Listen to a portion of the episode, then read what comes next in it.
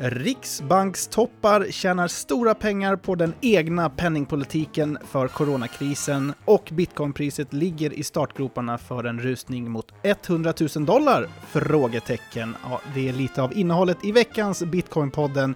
Varmt välkomna ska ni vara. Jag heter Christian och välkommen säger jag också till bisittare Martin Byström. Tack så mycket. Hur står det till?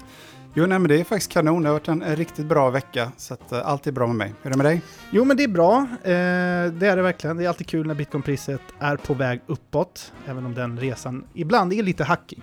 Verkligen. Vi har, väntat, vi har väntat på det här ett tag, kan man ju lugnt säga. Det har vi. Som vanligt görs Bitcoinpodden i samarbete med Sveriges enda kryptobörs Trio. Och där är det inte svårt att registrera sig kan man säga och börja handla till exempel bitcoin. Nej, det man gör egentligen är bara att man, eh, man signar upp med en vanlig e-mailadress och sen så loggar man in första gången med eh, mobilt bank-id. Man får svara lite snabbt om eh, lite frågor om hur man ska använda tjänsten och sen är man igång. Och man kan väldigt enkelt sätta in pengar med hjälp av Trustly. Det tar bara några sekunder så att från det att du signar upp till att du handlar din första bitcoin går på under två minuter.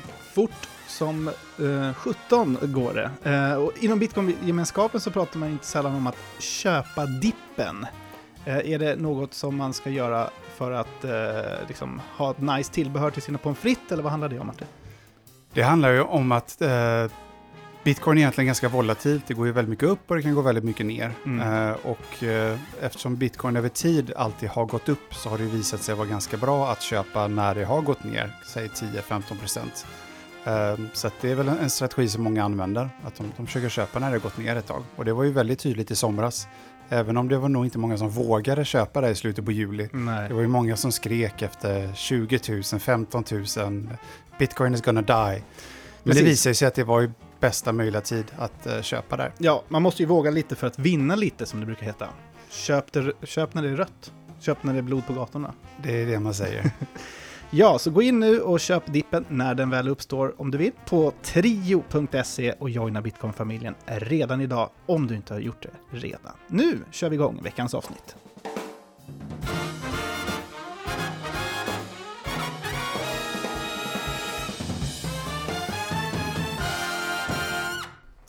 Och vi ska eh, göra som förra veckan faktiskt och ta in vår gäst direkt här i avsnittet. Så vi säger varmt välkommen tillbaka till George Mansurati, fondförvaltare på kryptofonden Arcane Assets.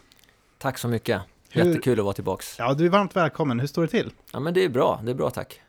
Vi har ju dubbat dig till eh, lite av vår makroexpert här i Bitcoin-podden. Hur känns det? Ja, men det känns, eh, det känns som någonting som eh, jag får verkligen leva upp till här nu. Ja, eh, och eh, kort repetition kanske till nytillkomna lyssnare. Vad menas egentligen när man säger makro? Ja, men det är väl eh, på svenska skulle jag säga omvärldsekonomi, kan man säga lite sammanfattande.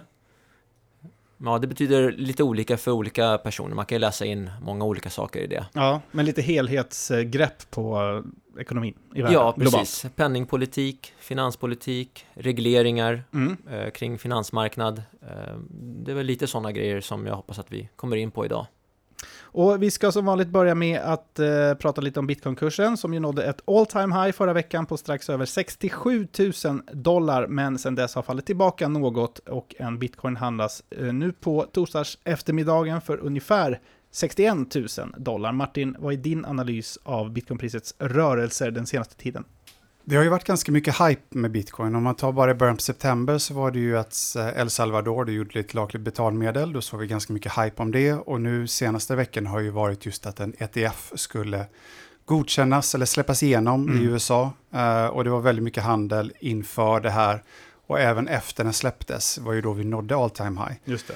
Uh, vi ska inte glömma att bitcoin gick faktiskt upp över 50% under oktober månad. Så det är ju ganska vanligt att det kommer lite av en korrektion mm. uh, när det har stigit så här mycket. Men det viktigaste var ju att vi tog all time high. Mm. Sen har det ju varit fokus på lite andra saker efter det också. Det var ju, uh, tycker jag, sociala medier har ju översvämmats av Shiba Inu istället. Just det, den här altcoinen som har gått som ja, tåget precis. den senaste tiden. Och Coinbase gick ju ner bland annat, vilket det brukar göra när det är mycket. Det. Så det kan ju ha varit lite så att retail försöker liksom att kanske ja, men rotera från bitcoin in till Shiba Inu under den här lilla, hela tiden både på Binance och på Coinbase. Mm. Um, Men det är bara en, eh, en altcoin ändå. Alltså, jag tänker altcoin season som eh, förr i alla fall har kommit efter att bitcoin har nått en all time high. Att som du säger, folk roterar sina vinster in i altcoins. Men nu har vi bara sett en coin då. Eller har fler coin gått upp? Ja, det är ju det är alltid hype i någonting. Nu, det är ju massa dog, eh, memes, coins och allt vad det heter. Ja. Eh, men jag tror det kanske haft en liten påverkan. Men, men nu ser vi ju att bitcoin börjar ju repa sig igen och jag tror vi, eh, vi kommer fortsätta uppåt här Mot, mot 100 000. Vad tänker du om bitcoinpriset då, George? Nej, men det är ju så, såklart väldigt kul när det är på väg upp och inte ner. Eh, sen är det det är ju väldigt volatilt och det har man blivit eh, härdad, härdad emot. Och, ja, köpa, köpa dippar, eh, det, det gillar jag.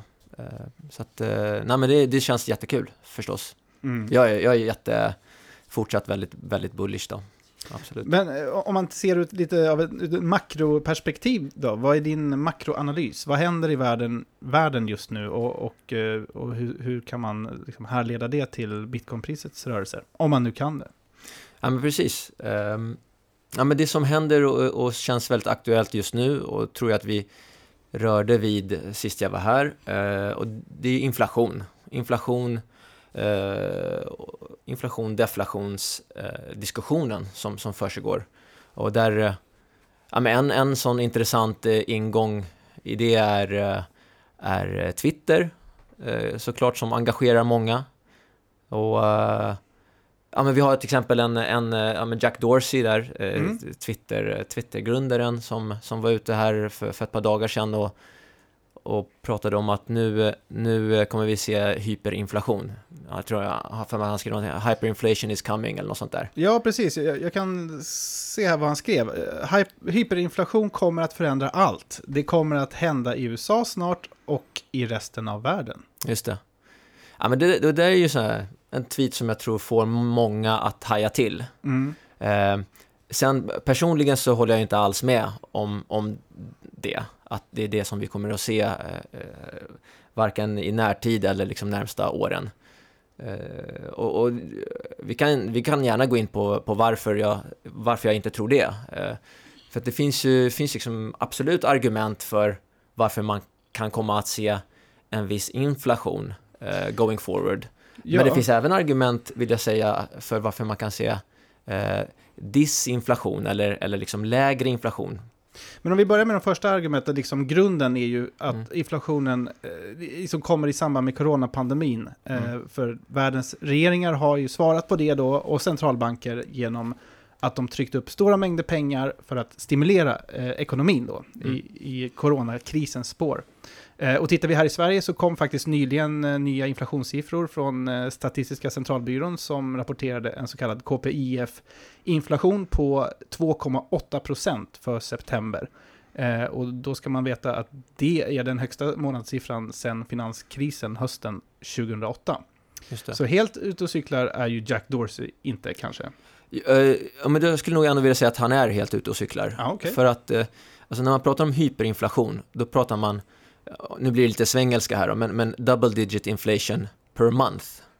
Alltså, vi pratar inte 2,8% per år, som KPIF-siffran då visade, Mm. utan, utan vi pratar alltså 10% och uppåt. Man, ofta pratar man kanske om 40-50% per månad. Det är hyperinflation. Då pratar man liksom definitionen av hyperinflation. Det Ja. vill säga på ett år så pratar vi en inflationstakt på 100% plus. Eh, där tror jag absolut inte att, att vi kommer befinna oss i, i närtid. Så, att, så att jag, jag tycker nog ändå att han är uh, ute och cyklar, eller beroende på Mm. vad han ville åstadkomma med det tweetet. Han kanske bara ville ha ännu fler Twitterföljare. Men ökad inflation kan vi ändå konstatera. Eh, Ja, men jag, jag skulle inte, det beror på vilken horisont man pratar om. Eh, och, och jag tycker absolut att vi kan liksom komma in på argumenten för och emot de här sakerna. Eh, men, men som du var inne lite grann på det här med penningmängd, det är ju definitivt en sån sak som, eh, som eh, talar för högre inflation eh, framöver. mm. Ehm, Men, men då ska den penningmängden också fortsätta att öka. Det räcker inte bara med att den ökar momentant och sen så blir det inget mer. Utan det, då, då ökar det liksom i takt med att penningmängden faktiskt fortsätter att öka. Finns det något som pekar på att den inte kommer fortsätta att öka? Eh, Ja, alltså det, det beror på, någonstans eh, beroende på vem man frågar så kan man säga att man, man, man kommer nå till ett, nå ett någon slags skuldtak. Liksom när, när, men nu, nu kan man inte låna hur mycket pengar som helst och, och printa hur mycket pengar som helst. För att, för att liksom, marknaden tappar potentiellt eh, förtroendet för, för ett sånt agerande. Eh, men eh, kanske liksom, ännu viktigare, eller lika viktigt i alla fall, är, är liksom allmänhetens inflationsförväntningar. Och, eh, för att inflationsförväntningar är väldigt viktigt eh, därför att det påverkar ju till exempel lönebildningen och vad man kräver för lön av sina arbetsgivare. Och, och, där kan man ju få en sån här liksom, eh, självuppfyllande liksom, snurra där liksom, man förväntar sig högre inflation och då kräver du högre lön och så, och så förväntar du dig fortsatt högre inflation och så vidare. Och, och, och de har kommit upp, absolut. Inflationsförväntningarna har kommit upp eh, senaste året, eller senaste halvåret framför allt. Eh, men då ska man säga att eh, det kommer bli mycket liksom å ena sidan och å andra sidan här, men då kan man säga att ja, de har kommit upp från extremt låga nivåer till nivåer som vi ändå har, de har, nivåer som vi har sett senaste 10-20 åren. Så att det är inte extremt på något sätt inflationsförväntningarna där vi ser dem idag. Det, ehm, det jag kunnat läsa mig till är ju att en av anledningarna till att vi ser inflation och att många säger att den är övergående eller, eller transitory då som de säger på engelska är just för att vi har ju stängt ner hela samhällen och sen nu kommer vi igång igen. Vi drar igång ekonomin, men ekonomin är inte riktigt där. Det skapas liksom friktion inom ekonomin. Och att eh, om de här supply, eh, ska man säga, supply chain issues som man pratar om. Just, just det, att, negativa utbudschocker. Ja, precis. Så att allt från råvaror till liksom överhuvudtaget att kunna leverera produkter mm. gör att det då även ökar inflationen. Eh, och vi ser även i USA där väldigt många har gått på eh, någon form liksom av arbetslöshetsförsäkring. Där mm. det är väldigt svårt att hitta människor som faktiskt vill jobba. Ja, ja. Och då höjs, behöver man höja lönerna för att dra till sig de här Ja, men det är en ehm. jättebra, det är en jättebra poäng och, och, och uh, insikt. För det, så är det ju. Och, och, sen kan man fundera på om, varför är det så? Ja, om man bara försöker sitta här och spekulera lite kring mm. men vad kan det bero på då? Uh, ja, men, att folk kanske inte vill gå till jobbet och gå och jobba på restaurangen. Ja, men, I en covid-environment eh, så, så är det klart att jobbar du som servitör eller servitris så kanske du inte vill utsätta dig själv för den risken. Så det är en anledning till att många har svårt att hitta hitta folk som vill ta jobb. Eh, sen, sen har ju det här även hänt på, eh, för lastbilschaufförer. Eh, man har sett att hamnarbetare är, är det tajt om. Så då har man sett massa containrar som har, liksom att, att det blivit flaskhalsar i, i olika stora hamnar och så har man fått eh, liksom följdeffekter utav det som, som har lett till att, eh, ja men sådana här utbudschocker alltså. Men, men även om den är övergående så är den ju permanent. Och med det menar jag om vi säger att någonting kostar eh, 100 kronor säger vi. Och så är det 5% inflation två år i rad. Då ja. är ju år 1 105, år 2 är 110,25. Mm. Och sen så minskar inflationen. Mm. Men den här prisökningen är ju permanent, så vi går inte tillbaka till 100. Ja, men det är en jättebra poäng, absolut. Så man kan ju prata om, om nivåer alltså nivå, eh, nivån ökar. Men sen kan man ju prata om, liksom, om en första derivatan utav det. Kommer, man, kommer alltså hastigheten att fortsätta, alltså ökningstakten fortsätta. Mm. Så det är en jätteviktig distinktion att göra. Eh, alltså historiskt har man ju sett att när, när priser ökar så tenderar de att inte falla tillbaka lika mycket sen när sådana här flaskhalsar löser sig.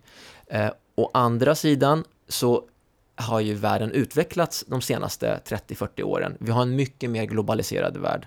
Man, man brukar prata om liksom, uh, hur många uh, produkter, alltså av, av, en produkt, hur många olika varumärken finns att, att köpa. Det är ett mått på konkurrens och, och ja, priskonkurrens. Och, och, och, det är ju mycket, mycket högre idag än vad det var för 30-40 år sedan. Uh, så att, och, och den saken gör att eh, talar mer för att priserna kan komma att falla tillbaka på grund av mm. konkurrensskäl. Det är, det är större konkurrens idag. Eh, så, och så, jag tänkte bara, bara för att inte missa det, men att, när man pratar om så inflationsförväntningar så kan man ju göra det på lite olika sätt. Man kan prata om inflationsförväntningar när man går runt och frågar folk i olika eh, enkäter. Vad tror du priset på mjölk kommer vara om ett år? Och, då var det som jag sa där, att men, de, de förväntningarna har kommit upp men inte på några extrema nivåer. Uh, och nu pratar jag primärt i USA. Eh, Ja. eh, och, men, men man kan ju även mäta det i, i termer av, det finns något som kallas för break-even inflation. Och det är hur marknaden prissätter, alltså den amerikanska, eller svenska för den delen, eh, räntemarknaden prissätter inflation. Man, kan, man pratar om realränteobligationer och nominella obligationer. Och skillnaden mellan de här i pris eller i ränta är hur mycket marknaden då förväntar sig att, att inflationen kommer att vara. Eh, och, och även där har vi ju sett att, att den har ökat eh, från, från väldigt låga nivåer. Eh, men igen, inte, inte något jättehögt i, om man tittar på det historiskt. Alltså en läng, ett längre tidsperspektiv på alltså 10, 20, 30 år. Mm. Och centralbankers främsta vapen egentligen för att stävja inflation är ju räntan kan man säga. Och Mm. är anledningen till att de inte titta på att höja den för att de tror att det här är övergående, att det inte är någonting som, är, som kommer hålla i sig över längre period. Ja, Det är ju det som har varit storyn hittills, att man har väntat eh, från Feds eh, sida och Jay Powell på att det ska vara ja, men att det ska vara en, en ihåll, eh, ihållig, eller vad säger man, någonting som verkligen kan hålla i sig, en uthållig eh, återhämtning. Eh, och när den är uthållig, när man bedömer att den är det, då kommer man att börja först dra ner på köpen av statsobligationer för att så småningom höja räntan också. Mm. Men du ser alltså ingen, ingen risk att inflationen ska skena iväg och skapa jättestora problem runt om i världen? Hyperinflation tror jag absolut inte på. Mm. Eh, det vill jag vara väldigt tydlig med. Jag hade- Konsumentprisindex i USA eh, ligger faktiskt just nu på sin högsta nivå på 30 år. Just det, just det. Jag hade ju en liten teori där om, om Jacks tweet, för att han, han tweetar ju väldigt ofta så här lite hemlighetsfullt, om man, om man, om man ska säga så. Och, eh, och jag tweetade lite själv om det här i veckan, att om, det beror lite på hur man tittar på hyperinflation. Om han jämför bitcoin mot amerikanska dollarn, så har ju amerikanska dollarn tappat 50% i köpkraft i förhållande till, eh, till bitcoin på en månad. Vilket på då sätt man skulle kunna säga att, att dollarn hyperinflaterar mot bitcoin. Ja, just det. Men visst, det är, det är en intressant eh, iakttagelse. Ja, för det är väl lite då, för att han är ju väldigt mycket bitcoin-bull, han vill ju verkligen eh, trycka fram positionerna för bitcoin i samhället. Han kallar det själv för eh, the native currency of the internet till exempel. Och han eh, har ju börjat väldigt mycket på inom Twitter då att du kan börja tip, tipsa, heter det tippa? Dri- Eh, dricksa. dricksa, Mm. dricksa heter det ju. Yes. Eh, Så att han, han vill väl också kanske lite få igång en debatt om det, att få upp, liksom, väcka lite uppmärksamhet kring det tänker jag. Just det, men då har han ju lyckats. Men är det, är, det därför, är det därför tror ni att han, eh, att han twittrar så här? Eller tr tror han på riktigt att det ska bli hyperinflation snart? Jag, kan inte säga att jag har följt honom så länge på Twitter. Jag har inte själv varit så här jätteaktiv tidigare.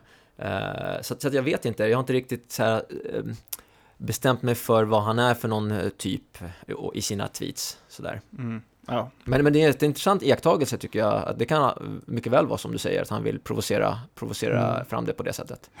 Och det var ju någon här, Steve Hanke, har du hört talas om honom? Absolut. Ja. Han, han gick ut och sa att dollarn har aldrig hyperinflaterat någonsin. Eh, och det stämmer ju inte heller egentligen. För att dollarn har ju ändrats väldigt mycket under tidens gång.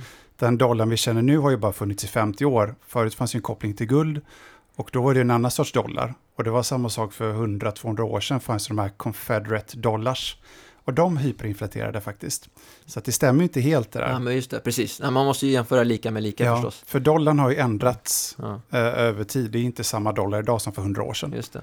Men sen jag ska jag säga också att det finns ju en annan, eh, i alla fall halvkänd Twitterprofil som heter Cathy Wood, eh, som, eh, eh, som leder eh, ARK, ARK Investments. Eh, och, och eh, hon skulle jag vilja säga har tagit andra sidan av det tradet, alltså i inflation, eh, disinflationsdebatten. Och för att vara tydlig, när, jag säger disinflation, det, det kanske också är lite svengelska, men det handlar om, om egentligen en, att inflationstakten avtar. Istället för att, för att, i- alltså, till skillnad från att Saker den blir ökar. billigare i, Eh, i samhället. Ja, eh, inte att de blir billigare, men att de inte blir dyra i samma eh, fart, eh, som Mm. i, samma, eh, i samma utsträckning. För, för samtidigt finns det väl ganska mycket, alltså, ett ganska deflationärt tryck också. Mm. Jag tänker just att vi har, vi har högre skuldberg, eller de Mm. ökar hela tiden, så att Mm. det, eh, konsumenter och företag har mindre pengar att spendera på varor och tjänster. Vi har en demografi som ändras, vi har Mm. mycket äldre som inte kommer jobba lika mycket. Ehm, teknologi är deflationärt exempelvis. Mm. Mm. Ehm, och även vad som på engelska kallas för wealth concentration. Det. Att det mesta kapitalet ägs av färre människor och de spenderar inte i lika stor utsträckning då som kanske en, en vanlig medborgare gör. Japp. Ja, men det är Ehm. jättebra. Det känns, inte som, känns som att ni inte behöver mig här. eh, ja, men det, det är exakt, där, där har du argumenten som, som väger i andra vågskålen. Och de, de är tunga. Eh, så att, eh, att, att säga vilket som väger tyngst, Mm. alltså i, i närtid så är det så att inflationisterna har fått mycket medvind. Men, men om man, man ska, vad som händer närmsta 6 till 12 månaderna, ja men det är väl intressant på, ur ett Twitter-perspektiv, men inte liksom om man ska ta långsiktiga investeringar. Men jag undrar då om inte inflation, ju, man kallas ju lite för en foliehatt där när man säger att, att eh, inflationssiffrorna är underskattade. För att nu säger vi, ja men vi har 2,8% i Sverige och USA har 5% eh, månad eh, jämfört med samma månad året innan. Men eftersom det är sånt otroligt deflationärt tryck samtidigt, så om inte Riksbanken hade gjort allt det här så kanske vi hade haft egentligen deflation. Och skillnaden mellan vad det egentligen har varit och vad det faktiskt är kan ju vara 10-15 procent istället. Mm. Eh, och den är ju också ganska intressant då, för då, då stämmer ju inte riktigt inflationssiffrorna egentligen. Mm. Nej, men just det, men sen kan man ju, eh, jag håller väl eh, till viss del med om det också, bara om man, alltså man är ju närmast sig själv och jag vet, man vet ju själv vad, vad man upplever om man är på stan och, och ser vad saker, hur mycket saker och ting ökar i pris och eh, men här i Stockholm så, så kostar saker ja, men mycket mer från år till år, upplever jag. Eh, och jag har lite svårt att se exa exakt hur det här fångas upp. Alltså jag har ändå eh, någonstans har jag liksom känt att är verkligen sättet som vi mäter inflation på med den här varukorgen, är, är det korrekt, är det rättvisande? Eh, någonstans min mage säger, säger mig att nej men det känns inte helt rätt med det här. Men Ja. jag är inte någon, jag är, är liksom inte någon kon- konspirationsteoretiker och tror att man gör det här med, med flit och sådär, men, men någonting känns inte helt eh, hundra. Precis, vi hade ju Johan här eh, för några veckor sedan som är den person som tar fram inflationssiffrorna. Och han säger att de har ju som uppdrag från staten att ta fram dem. Sen råkar ju bara Riksbanken använda dem för sin penningpolitik. Men det som är intressant, tyvärr så, så pratade vi om det efter vi hade stängt av micken. Men eh, då, det han sa var så här att inflation påverkar ju människor olika i samhället. Så vad de gjorde då var att de tog fram en, eh, en inflation per eh, ska man säga, medborgare. Så till exempel jag och min fru då, vi bor ju i Stockholm och vi är eh, DINKS som det heter. Eh, Just det. eh, Double income, no kids. Precis. Eh, och, och sådär. Så att vår inflationen är kanske 6% för oss. Men Margit som bor i, liksom, eh, man säger att hon bor själv uppe i Örnsköldsvik, Mm. hon kanske mest bara handlar mat eh, och kanske bor i en hyresrätt, då är inflationen 2% för henne. Så den slår väldigt olika i samhället. Eh, men den vi presenteras för är ju egentligen bara ett genomsnitt, vilket blir väldigt, väldigt trubbigt. Mm. Men varför, skulle, varför är Dinks eh, högre inflation än, eh, än någon som bara handlar mat då och då? Nej, men vi kanske konsumerar saker som ökar mer i, i pris, eh, men också att vi bor i en stor storstad som kanske Mm. har eh, att prisen ökar mycket mer. Vi kanske Okej. går ut mer på restaurang till exempel. Eh, vi kanske köper mer resor. Mm. vi- Antar jag bara här, men, Mm. men Dings är ju förhållandevis köpkraftiga eh, i vårt Ja. samhälle. Ja, men sen så här högteknologiska produkter eller eh, behöver inte vara så högteknologiskt, men hörlurar eller bilar eller liksom elektronik, eh, alltså sådana här saker som, det är så svårt att mäta. Alltså ibland, man kanske bara vill ha Mm. en bil för att ta sig från A till B, men idag så köper du liksom någonting som skulle klassas som en rymdraket för, för 30 år sedan. Har du hört talas om skimpflation? Skimpflation? Det är Nej. det nya, jag läste det igår här. Skimpflation är att du får exakt samma tjänst som du alltid har fått, men den är sämre. Mm. Exempelvis bara då, säg att jag är kund hos en bank. Jag har försökt nå min bank. Det är en och en halv timmas väntetid. Just Det är fortfarande samma produkt jag använder, men tjänsten har blivit sämre, för förut kanske det bara var en halvtimme.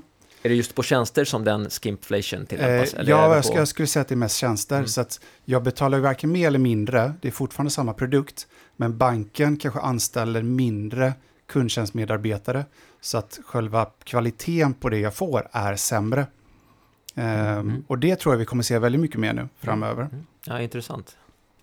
En person som i alla fall inte är orolig för det stigande inflationstrycket är riksbankschefen Stefan Ingves. Tillsammans med vice riksbankschef eh, Martin Flodén så frågades han ut inför finansutskottet i förra veckan gällande just inflationsfrågan. Och enligt Ingves så är den stigande inflationen Eh, Eh, eh, ett övergående problem för svensk ekonomi. Han menar att när utbudsbegränsningarna klingar av så kommer allt att rätta till sig och han gör bedömningen att inflationen som högst kommer att nå 3,2 procent de närmaste månaderna. Eh, han säger så här, vår bedömning är att el och oljepriserna inte stiger hur länge som helst, utan dessa kommer så småningom att klinga av och vi ser i dagsläget inget tungt underliggande inflationstryck. Har vi rätt är det ingen större dramatik i detta. Mm. Eh, så enligt Ingves är det framförallt eh, eh, det som framförallt driver på inflationen just nu stigande energipriser, där till exempel oljepriset då gått upp ordentligt de senaste månaderna. håller du med om den bedömningen? Ja, men jag tror på det stora hela håller jag nog med honom mm. om det. och det var intressant där med energipriser, för att där är ju en grej som är Ehm, som är lite problematiskt idag. Alltså vi har ju vi har underinvesterat i, i infrastruktur kring till exempel fossila bränslen. Ehm, och, och alla vill vi liksom gå mot mera grön energi. Ehm, men det här är också baksidan av de, att vi har haft eh, underinvesteringar i, inom fossila bränslen under, under många, många år. och inte nog med det, vi har ju liksom Eh, Eh, Japan med Fukushima eh, och eh, liksom den typen av energikällor som är väldigt stabila och producerar mycket, mycket el. Alltså kärnkraften. Som, som, alltså Japan har blivit mycket, mycket mer beroende av kol till exempel nu. Ehm, så det här är, ja, men det är lite problematiskt faktiskt. Och jag är inte alls lika säker som Ingves är där på att, ja, men, att det här kommer bara att lösa sig. Eh, med, med energipriserna. Eh, för, så, så det, det, vi har investerat i, det är ju då förnyelsebara energikällor. Och de är inte alls lika, eh, lika stabila över tid och kan inte producera lika mycket och lika tillförlitligt. Och, och, och här, kom, här är en jätteintressant koppling, tycker jag, till, till krypto och, och, och eh, proof of work mining. Alltså där man kan man skulle kunna argumentera för att stater skulle eh, vilja subventionera den här typen av aktivitet. Alltså eh, miners som baserar sin mining på förnyelsebar energi eh, och som kan ställa upp eh, för nätverket, alltså gridet, elnätet och ställa upp som eh, så att säga producer of last resort. Eh, när saker och ting eh, inte går bra, eh, till exempel när oljepriset skjuter i höjden eller vi behöver importera gas ifrån Ryssland eller, eller vad det nu är, ja, men då kan man istället köpa istället för att en miner då eh, lägger sitt, eh, sitt, sitt krut på att mina bitcoin, att man då puttar in energi i eh, elnätet istället.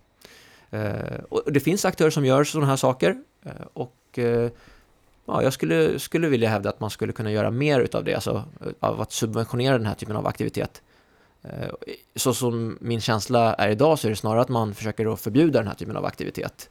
Alltså snarare än att subventionera den. Och det mm. tycker jag blir helt fel. Precis, vi har ju inte så mycket mining i Sverige. Vi har, det är lite hobbymining och vi har några få företag. Uh, Arken Crypto då, som är, både äger Arken Asset där du jobbar och Trio där vi jobbar. De har ju kommit igång nu.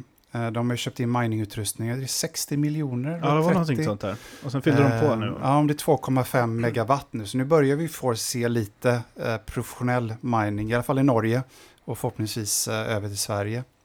Du, jag tänkte fråga just det här med att Riksbanken, Stefan och hans gäng där, de gör ju väldigt mycket prognoser.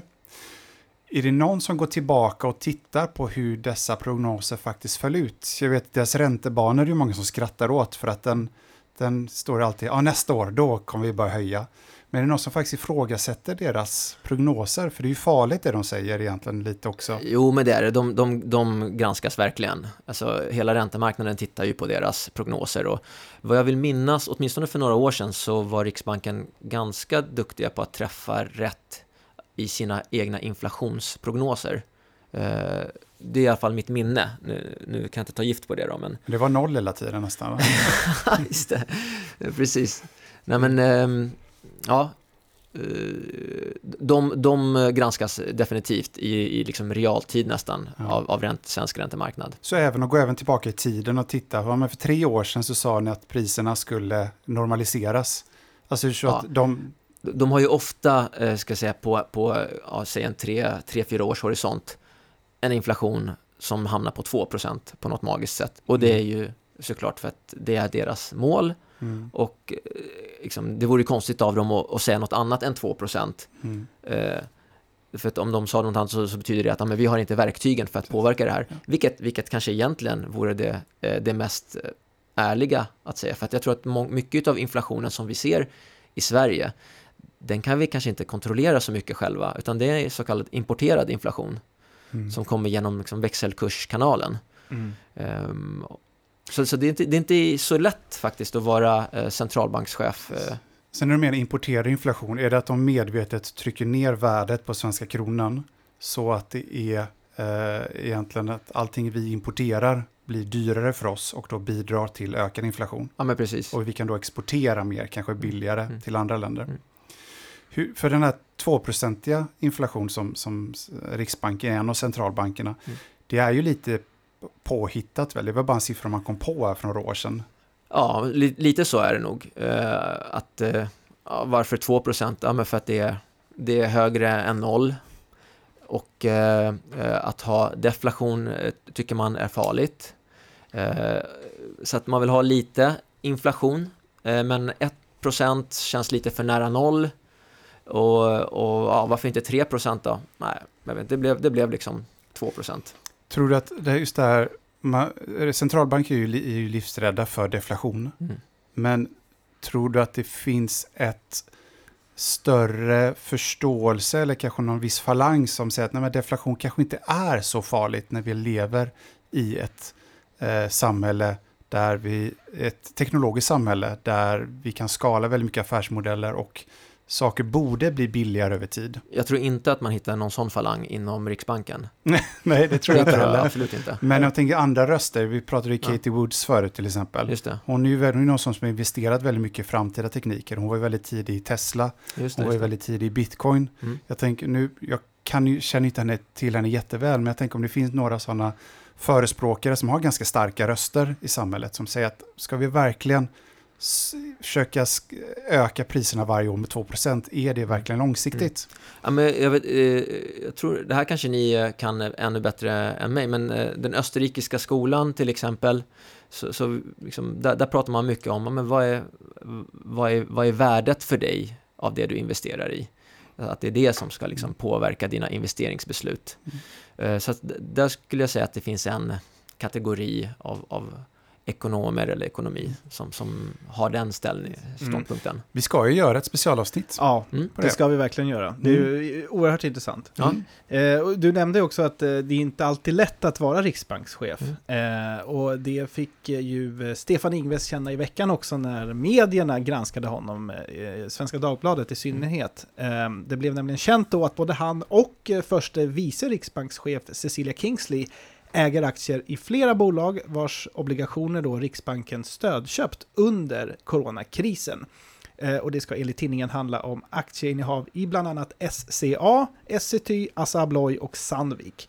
Eh, och det man ska komma ihåg då här är ju att Riksbanken under coronakrisen har köpt eh, obligationer i ett 60-tal stora svenska bolag och därmed då gynnat dem genom minskade lånekostnader. Eh, George, du berättade i förra avsnittet att du började ju din professionella karriär på Riksbanken där du var forskningsassistent på Riksbankens forskningsenhet. Eh, vad, vad tycker du om det här? Eh, är det problematiskt att Riksbankens ledamöter kan gynna sina egna aktieportföljer på det här sättet?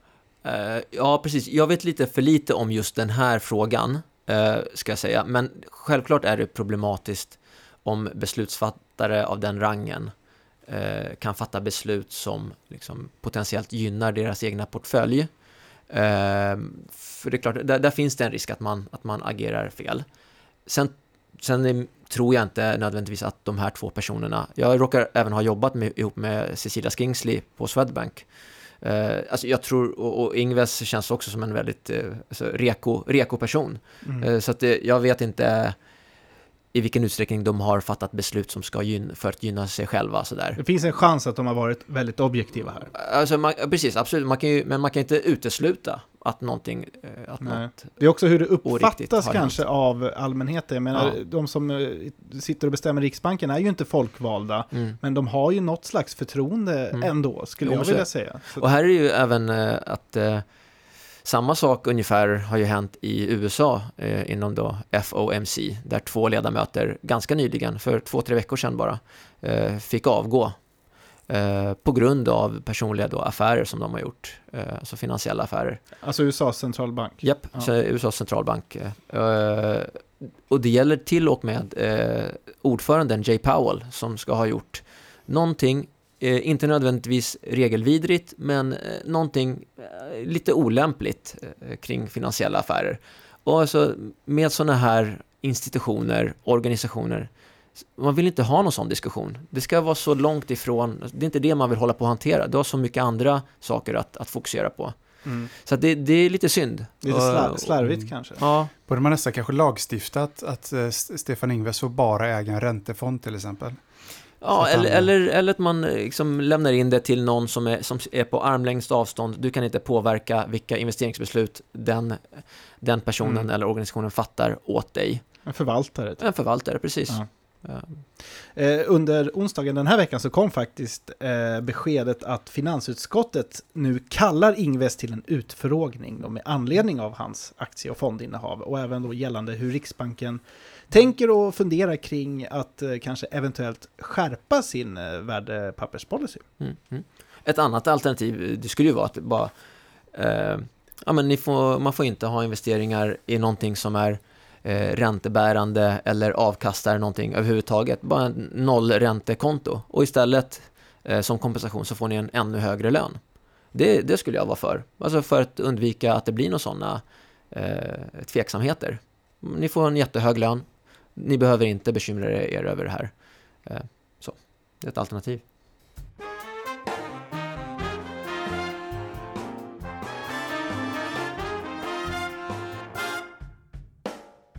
Vi gör en liten paus här i intervjun för att passa på att berätta att Bitcoinpodden som vanligt görs i samarbete med Trio, som är Sveriges enda kryptobörs. Martin, varför ska man välja Trio? Trio är ju Sveriges mest prisvärda aktör, så att om du vill ha så mycket satoshis som möjligt för dina gamla Fiat, då ska du välja Trio. Mm, så gå in på trio.se och börja handla kryptovalutor redan idag. Tack Trio!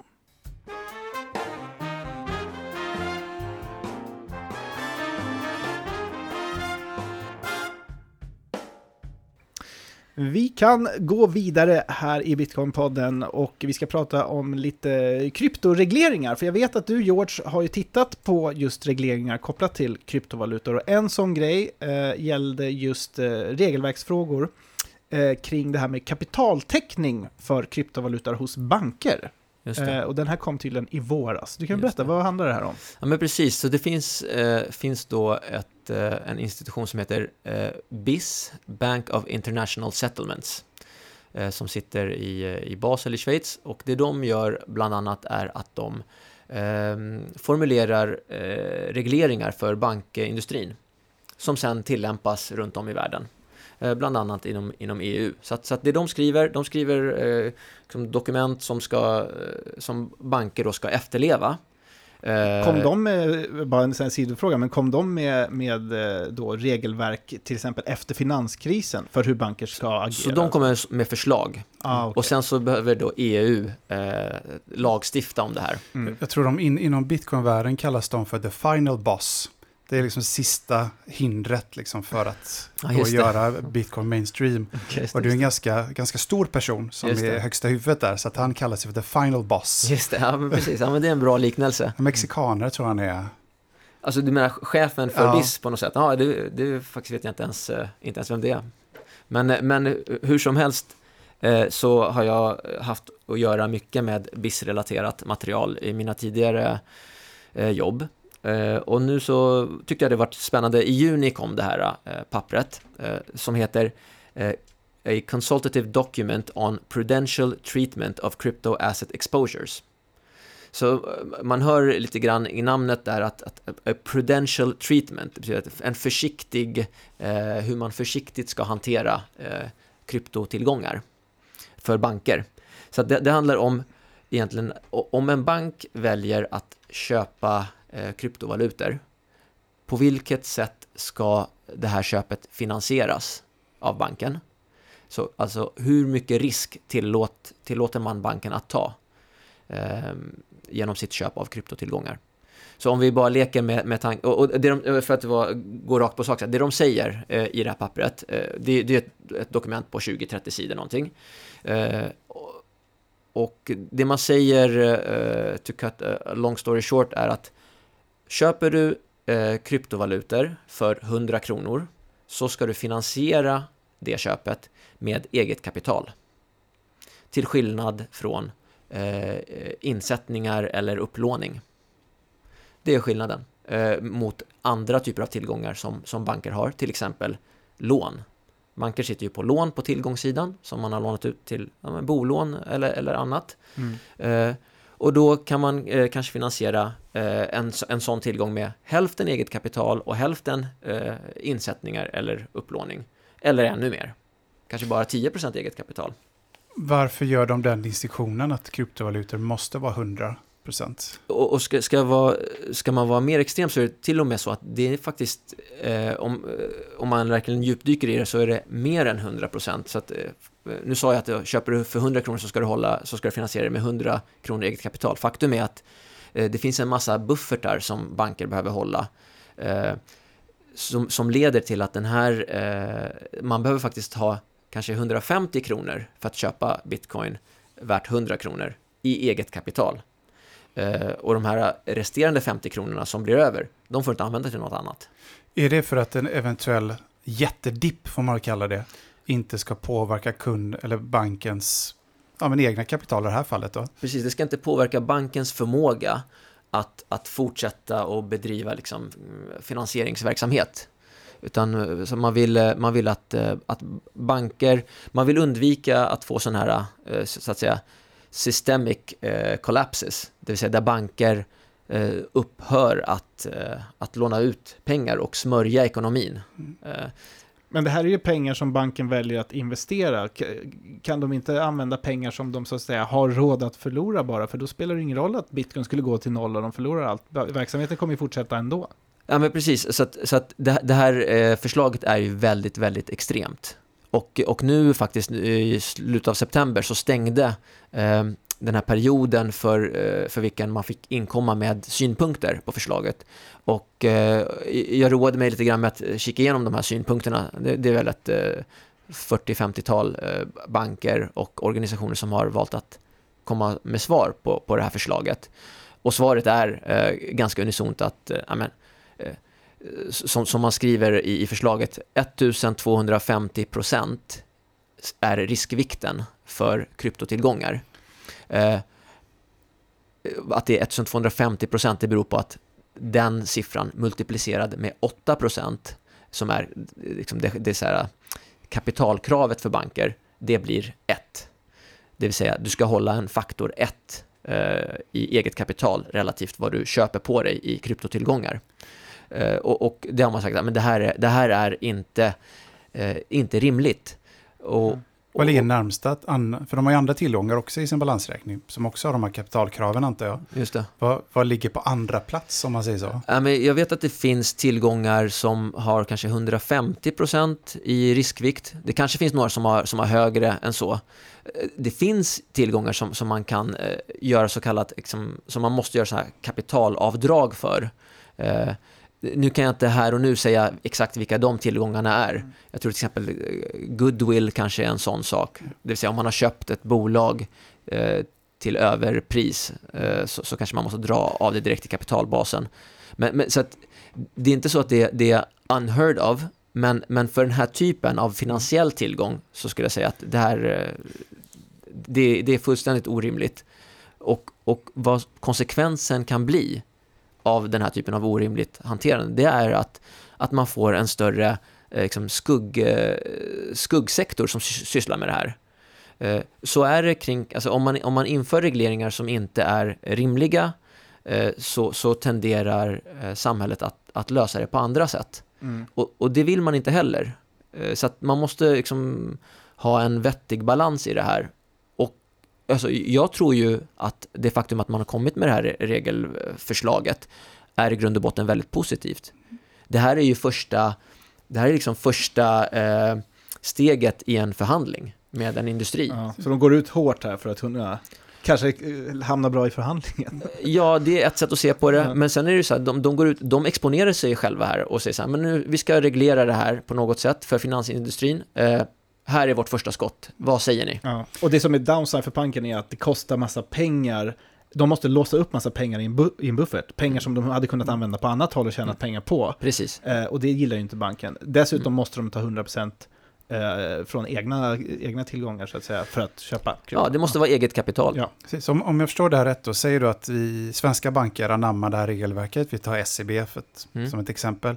Innebär det att kunder kan ha sina bitcoin hos banken eller är det banken själv som äger bitcoinen?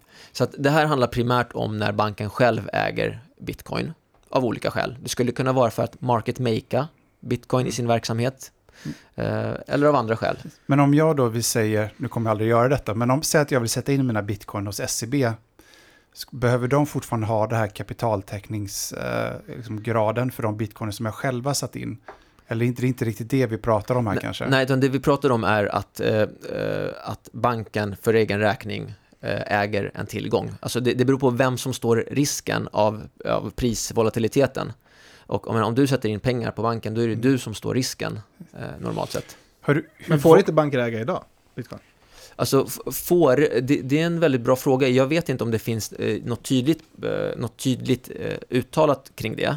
Eh, men jag skulle vara väldigt förvånad om någon svensk storbank ägde någon kryptovaluta på sin egen balansräkning. Ja. Vi hade ju Johan Javius här ju som var chefstrateg för några veckor sedan. Mm. Och han säger SEB. Att, på SEB. Precis, han säger att det är ju långt bort Mm. fortfarande.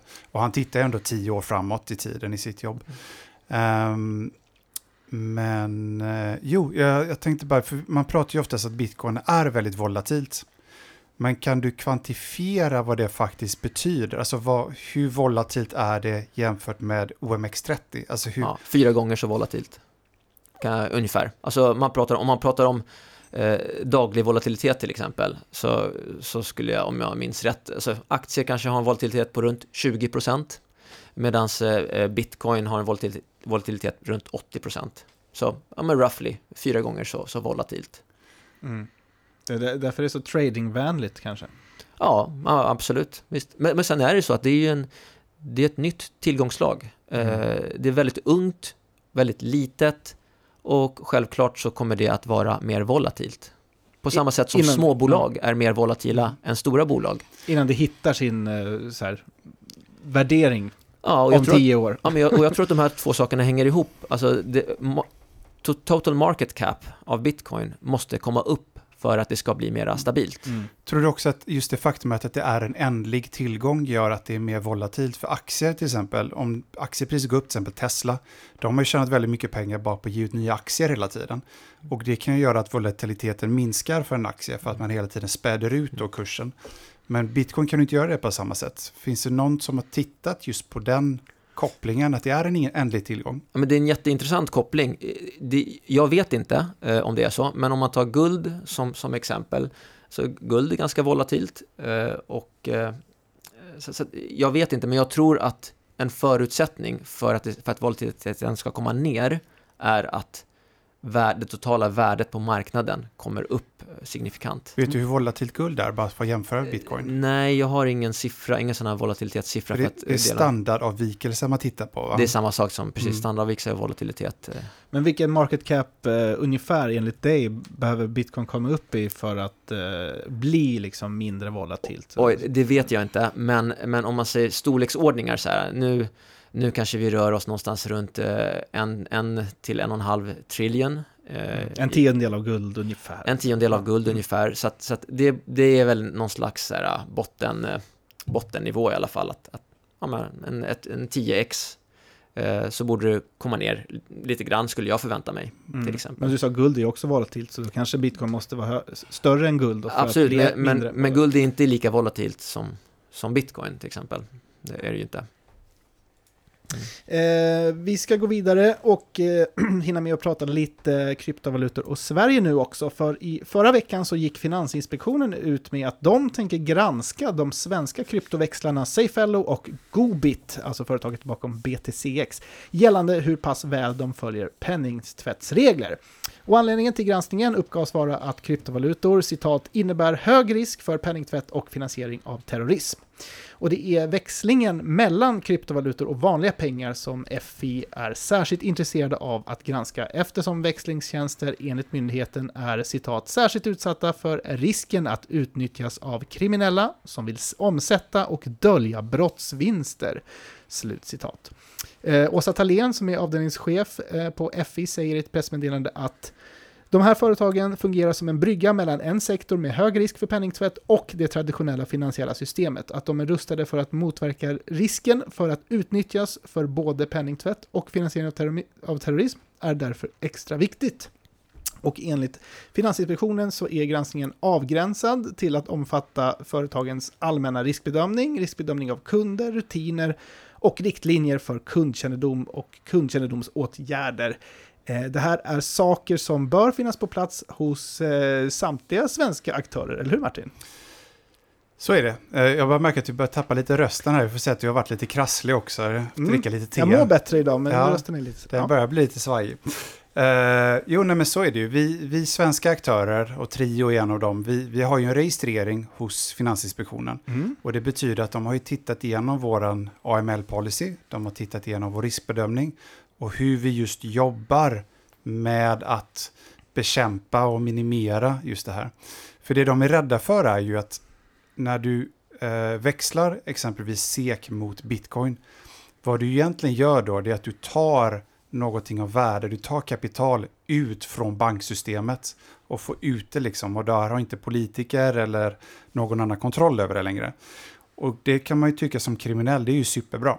Eh, det är ingen som kan liksom ta mina bitcoin ifrån mig och det är, man kan dölja det lite mer och sådär. Men lite fråga där, tar man inte ut eh, ur det vita banksystemet när man tar ut i kontanter då? Det Så är det, men det är mycket lättare att förvara en miljon kronor i eh, bitcoin än vad det är att förvara en miljon kronor i, i kontanter. jo, jo, men det finns flera sätt att ta Eh, ut ja. Pablo Escobar hade jätteproblem med det. Att han, han, dels hade han inte tillräckligt mycket gummiband till sina rullar. Och sen kom ju råttorna och checkade upp kontanterna. Ja, den där knarkkungen Eh, i Sydamerika. Men så här, jag, tror, jag tror det är bra. Finansinspektionen har ju inte varit jätteväl inställd till eh, bitcoin eller kryptovalutor överlag. Och eh, det är väl bra att de gör lite en granskning. Jag, menar, jag tror Safello har gått ut och sagt, han, Frank, han som är vd där, att det här är bra. De vill komma in och visa att vi faktiskt jobbar bra och aktivt med det. Och senast en granskning var, var 2014. Ja. 2014 var, det var ju knappt en, en, en bransch då liksom. Det var ju lite en hobby, hobbyprodukt som folk sysslade med. Så att jag tror det är jättebra. Vi ska säga det att även eh, Per Helgosson som är vd för Gobit, han säger i ett uttalande då att de välkomnar en riskbedömning från, Ja. från FI. Han säger Ja. så här, vår uppfattning är sedan länge att eh, reglering och myndighetstillsyn är viktiga förutsättningar för kryptoindustrins mognad och en bredare acceptans i samhället. Därför välkomnar vi en nationell eh, riskbedömning. Man ska inte heller vara blåögd. Alltså så här, nu kan jag inte gå in på specifika case, men, men det är klart att vi ser ju även det på vår plattform. Och vi har ju lyckats stoppa det väldigt bra, för vi jobbar väldigt aktivt med det. Vi ser, man kan se kundmönster, man kan följa väldigt mycket. Eh, Så det är absolut en bransch som är utsatt. Och om det här ska bli mainstream så måste vi ha, um, ska man säga, eh, instanser som Finansinspektionens godkännande och att de är lugna och liksom litar på oss bolag som är i den här branschen. Mm. Så att det är jättebra. Eh, Vi får se vad det mynnar ut i. De kommer säkert hitta saker de inte tycker om. Eh, Men då är det bra, då vet vi liksom vilka mål vi ska jobba utifrån. För Mm. nu vet vi inte riktigt det om man ska vara helt ärlig. Och jag, om jag ska sticka in och bara, jag håller verkligen med om att det är väldigt positivt om det är så att de eh, eh, vill lära sig mer om det här. För jag håller med om det ni sa inledningsvis där att det, eh, jag tror att FI eh, ligger nog lite efter när det gäller liksom, på, på kompetensnivån kring krypto. Och, och där, där, behöver man nog eh, komma upp en bit faktiskt. Och om det här, om det här är ett steg i det ledet så är, så är det väldigt positivt. Mm. Och, men sen om man ska vara lite filosofisk och sådär, beroende på hur mycket tid vi har för det här och nu, men det är ju så att, att pseudonymitet slash anonymitet, det går inte så väl ihop med traditionell finans. Eh, så är det. Eh, och, och det här är ett, en stor sak som, som vi eh, inom kryptobranschen behöver eh, liksom ta oss an och fundera på hur, hur, hur gör vi, hur, hur, gifter vi ihop de här sakerna? För att jag tror att vi behöver gift, gifta ihop de sakerna. Eh, det är min övertygelse. Eh, jag vet till exempel att man inom, inom DeFi eh, jobbar en del med så kallade permissioned pools till exempel. Ja, men då handlar det om att man identifierar sig genom en KYC-process eh, för att sen kunna handla och, och transact med andra som är på den här samma permissioned pool. Mm. Ja, men det, mm. det, är väldigt begränsande eh, förvisso, men, men då är det ändå att då är man trygg och säker på och vet vem det är man, man handlar med. Ja. Alltså, men det är väl lite så som kryptobörser och kryptoväxlare jobbar med kundkännedom? Och jo, precis, men, men om, jag, om man pratar bara eh, allmänt om, om, om krypto mm. så, och, och, eh, och, att man inte nödvändigtvis behöver Nej. identifiera sig för att etablera en, en eh, plånbok. Sen är det alltså AML och KYC är väldigt integritetskränkande på många sätt. Mm. Jag vet, vi, en del av våra AML-policy, om kunden ska köpa för väldigt stora belopp, då behöver vi ta in en hel del information. Vi måste verkligen förstå var pengarna kommer ifrån och kunna följa. Och det är ganska kränkande att vi sitter där och ser allting du har köpt under en månad. Ska vi som privat bolag verkligen, mm. behöver vi verkligen veta det här? Och det jag är rädd för och den utvecklingen vi ser att det kommer inte bli mindre, det mm. kommer bli mer. Mm. Ännu mer, bankerna kommer tyngas ner ännu mer. Jag fick ju mitt bankkonto nedstängt häromdagen mm. För att jag inte hade svarat på en KYC-fråga, eller som jag, för en KYC-fråga jag hade svarat för i, i somras, men som de hade missat. Mm. Och då gjorde det att jag inte kunde betala räkningarna. Mm. Jag kunde inte betala in till Skatteverket. Så de kunde bara helt stänga av mig från banksystemet fast jag inte hade gjort någonting fel. Mm. För att de vill få in all den här informationen. Mm. Och jag håller helt med om att eh, det, det är kränkande. Alltså något, något slags och det kommer man nog aldrig komma ifrån. Eh, det blir ju så att man får väga liksom den individens nytta mot samhällsnyttan med att identifiera vissa transaktioner. Mm. Och jag tror att, jag ska inte säga ett drömscenario, men, men ett, ett scenario som jag tror att man skulle vilja jobba mot, det är någon, någon slags medelväg där man ser att ja, men mindre transaktioner upp till ett visst tröskelbelopp, liksom 1000 kronor eller 10 000 kronor eller någonstans där. Att, men där behöver man inte identifiera sig. Det, så stor skada gör man inte med en sån transaktion. Däremot ska du köra liksom en eller tio miljoner, mm. ja men visst, då behöver man kanske veta vem du är och vad syftet ja. är. Alltså jag förstår att man gör det och jag tycker det är viktigt, liksom, men det, det är också någon form av kollektiv bestraffning. Mm. För att det är några få som inte sköter sig och då måste alla vi förhålla sig till det. Mm. Uh, för 20 år sedan var det ju inte, finansiella systemet var ju inte på det här sättet. Mm. Det har ju blivit värre och värre och värre. Um, var det, var det um, mer, eller färre brott idag jämfört med då, då? Det är väl svårare, men det är kanske lättare att utföra brott nu när internet finns och du kan kommunicera på ett helt annat sätt än vad du kan för 20 år sedan. Ja, och därför måste kontrollerna bli uh, striktare kanske? Mm. Ja, men det, du kommer till en punkt där, för vad myndigheterna har gjort är att de har ju lagt ut det här, alltså de har ju outsourcat det till bolag som Trio, som Safello, som, som bankerna. Och, och vi måste hela tiden kräva in mer och mer information och det blir en irritation hos kunderna och det blir lite integritetskränkande. Men jag ser tyvärr inte att det kommer gå åt andra hållet, det kommer bara bli värre och värre. Mm. Och bitcoin är ju lite en motpol eller någon form liksom av, av eh, långfinger mot det här systemet. Där vi vill ha ett, ett finansiellt system där du inte behöver öppna upp hela ditt liv bara för att du vill gå och köpa en, om man säger en, en bil för halv miljon. Liksom. Mm. Men, ja. Men om Finansinspektionen skulle hitta några oegentligheter då i sin granskning, eh, vad skulle det kunna få för konsekvenser för eh, ja, kryptovalutor men också kryptobranschen generellt eh, i Sverige, tror du? Ja, det är svårt. Jag tror framförallt skulle det ge eh, impact för de här bolagen. Eh, svårt att se att det skulle ge någon jätteimpact på krypto, som krypto i stort. Eh, det handlar ju om att de här bolagen ska sköta sin, sin kundkännedom eh, som man ska. Och, och har man gjort det så, så är det inga problem. Har man inte gjort det så kanske man Nej. antingen åker på ett vite eller, eller ja, i värsta, värsta fall får man ju stänga ner och bli av med tillståndet. Liksom. Ja, kryptovalutor är ju kanske lite mer, mer globalt så liksom. Mm. Eh, för man, jag tänker så här, hur mycket spelar det, eh, spelar det roll vad Sverige gör i det här? Eh, för jag menar, vi har ju EU, vi har ju G7s arbetsgrupp för finansiella åtgärder, FATF. Mm. Är det inte de egentligen som i slutändan kommer att bestämma de stora sakerna i de här frågorna i, i världen? Jo, alltså en fråga som jag ställer mig själv sittandes här, det är så här, men hur mycket kan Sverige göra egentligen? Alltså, vi lever ju under eh, EU-regelverk och jag vet inte, jag är lite osäker på hur mycket vi kan sticka ut åt ena eller andra hållet. Alltså, och fortsatt leva efter de, ja, men de regler som, som EU ställer. Mm.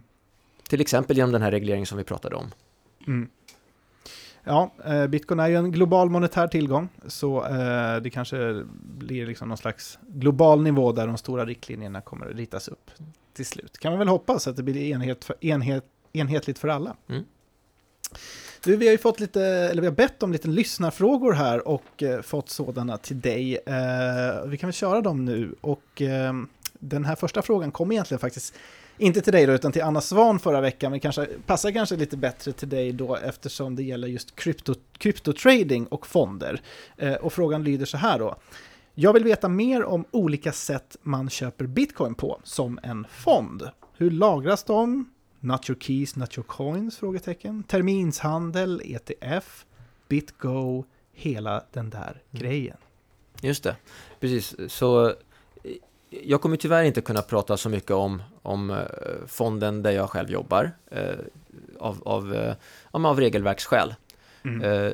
Men, men generellt kan man väl säga att men kring custody för, för institutioner av kryptovalutor så finns det, det finns etablerade spelare som erbjuder lösningar för det här.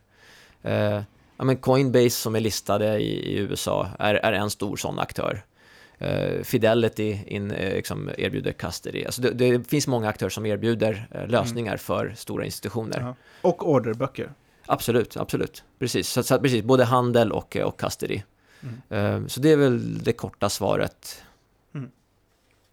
Ja, ska vi ta nästa? Eh, vad har du för åsikter om stock to flow-modellen som prognos för bitcoins pris? Eh, och stock to flow är alltså en modell då som är baserad på att bitcoin hela tiden borde bli mer värt eftersom utbudet är begränsat och inflationen stiger vid halveringar. Just det.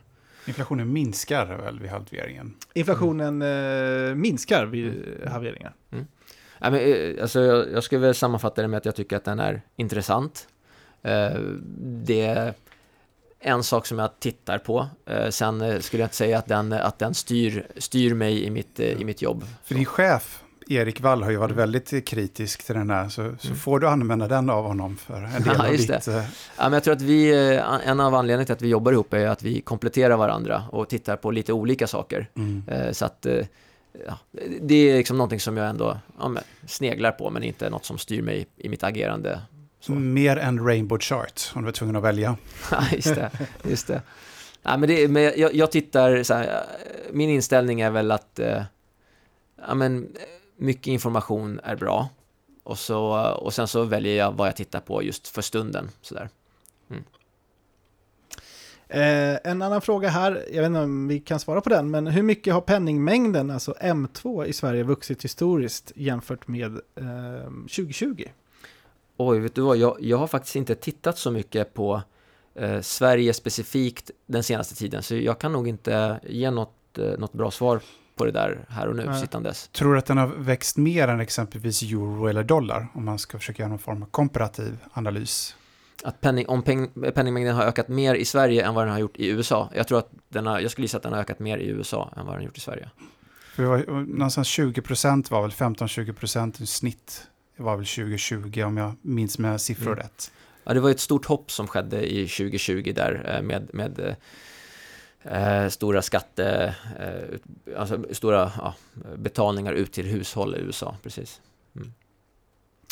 Eh, vilket land i världen använder mest bitcoin per capita för så kallade remittances?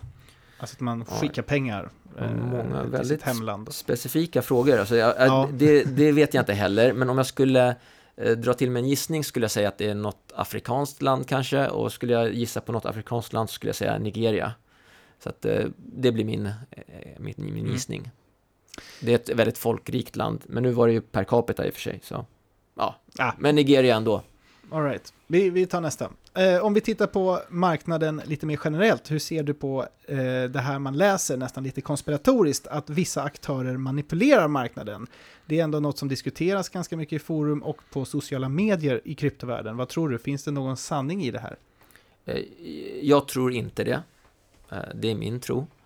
Eh, jag tror mera på att det är en liten marknad. Alltså market cap är litet. Eh, Man tar mycket hävstångspositioner som påverkar priset eh, mycket från tid till tid. Eh, Så jag tror inte att det, jag tror inte på den här konspirationen. Nej. Men, men pågår det viss manipulation även på börsmarknaden i världen? Ja, men det kan du absolut göra. Definitivt. Alltså, ja, men ta, eh, ta GameStop. Eh, det var ju ändå någon slags koordinerad manipulation av ett pris. Mm. Så att, eh, jo men det, det försiggår nog. Men jag tror att många småsparare eh, kanske tänker att det sitter liksom väldigt stora institutioner eller valar som har mycket pengar och därmed kan också enkelt påverka om de vill. Ja, det är, Mm. ja, Mm. det är därför jag tänker lite konspiratoriskt. Ja, just att, tror du att, att det just nu finns ETFer ökar risken för manipulation? Eh, jag tror att eh, på sikt så kommer det minska risken för manipulation. Därför att jag tror att det kommer göra att eh, investerarkollektivet breddas och att det här att, att just den produkten gör att det blir ja, men populärare bland fler personer och ju fler vi är ju just liksom större diversifieringen är bland de som håller krypto desto mindre är risken för manipulation. Mm. Eh, vi tar nästa. Eh, det finns ju regler för att investera i hedgefonder. För att göra det så måste man ju till exempel vara en så kallad eh, accredited investor. Eh, genom att till exempel ha en förmögenhet på minst en miljon dollar. Och det här innebär ju också att eh, vanligt folk inte får handla de här fonderna. Eh, som i många fall ändå är några av världens bäst presterade fonder. Vad tycker du? Är det rimligt och demokratiskt för den delen att väldigt många människor hålls ute från att investera i sådana här fonder där du faktiskt i många fall kan hitta den bästa avkastningen? Ja, men jag tycker väl generellt sett att, eh, att individen ska få välja så mycket som möjligt. Eh, sen tycker jag inte det i alla, i alla fall, i alla samhällsfrågor. Eh, men i den här frågan så tycker jag att, att det ska vara öppet för så många som möjligt. Det skulle jag önska att det var. Eh, det var väl de frågorna vi hade den här veckan. Eh, jag eh, tänkte väl egentligen avsluta med ett litet tv-serietips, får jag göra det? Du får göra vad du vill, det är du som är programledare. Min Jag är- röst eh, sviker mig. Jag är bara bisittare. Du vill att jag läser upp ditt tips istället? Nej, men jag kan dra det Jag kan här. lägga på min radioröst och... eh, Ja, men jag tänkte jag skulle eh, eh, berätta om en tysk miniserie eh, som är baserad faktiskt på en sann historia. Eh, den handlar om två unga tyska killar som i början på 90-talet uppfinner en algoritm som möjliggör ett eh, dataprogram som är någon slags förlaga till Google Earth. Eh, Alltså att, då att man knappar in vilken adress som helst på jorden och sen så trycker man på en knapp och sen så zoomar det in på jordklotet och så ser man exakt den platsen då på eh, olika kartbilder. Eh, och serien handlar sen då om hur Google typ snor den här uppfinningen och eh, implementerar den i sin lansering av Google Earth som kom eh, 2005 för allmänheten, vilket är typ 11 år efter att tyskarna lanserade sin uppfinning. Eh, och så får man då i serien följa en eh, patenträttegång i nutid som växlas med storyn från 90-talet. Jag tycker det är en väldigt bra serie eh, som sådan, men den skildrar också eh, IT-vågen och IT-bolag på 90-talet. Eh, hur de här två unga tyskarna, eh, i alla fall i serien, har så kusligt träffsäkra framtidsvisioner. Eh, Eh, men, men hur liksom ingen av de etablerade aktörerna inom telekom eller inom riskkapitalvärlden som de pratar med eh, förstår, utan de skrattar snarare eh, åt dem och åt internet, eh, som för de flesta på den tiden mest var en fluga, vad många trodde. Eh, och jag kan när jag ser den här serien inte undvika att dra paralleller till eh, bitcoin eh, och liksom hur vanligt folk, vilket i och för sig kanske är mer förståeligt, men kanske framförallt traditionella finansmarknaden har bemött bitcoin de senaste åren och liksom i stor utsträckning fortfarande bemöter den. eh, alltså med stor skepticism. Eh, för några år sedan så skrattade de väl till och med eh, åt bitcoin, men det har de väl de flesta slutat med, med nu. Så vad man brukar säga, first they ignore you, then they laugh at you, then they fight you, and then you win. Ja, skratta bäst som skratta sist. Ja. Eh, serien heter i alla fall The Billion Dollar Code. Finns på Netflix. Får ni kolla in. Mm. Att inte då eh, jämföra med Bitcoin Code som är en scam. ja, det, det, ska ni inte eh, följa eller gå in på. Det kan vi ändå säga med säkerhet. Det var nog allt vi hade att bjuda på idag. Eh, George, hur kändes avsnittet? Ja, men det kändes bra.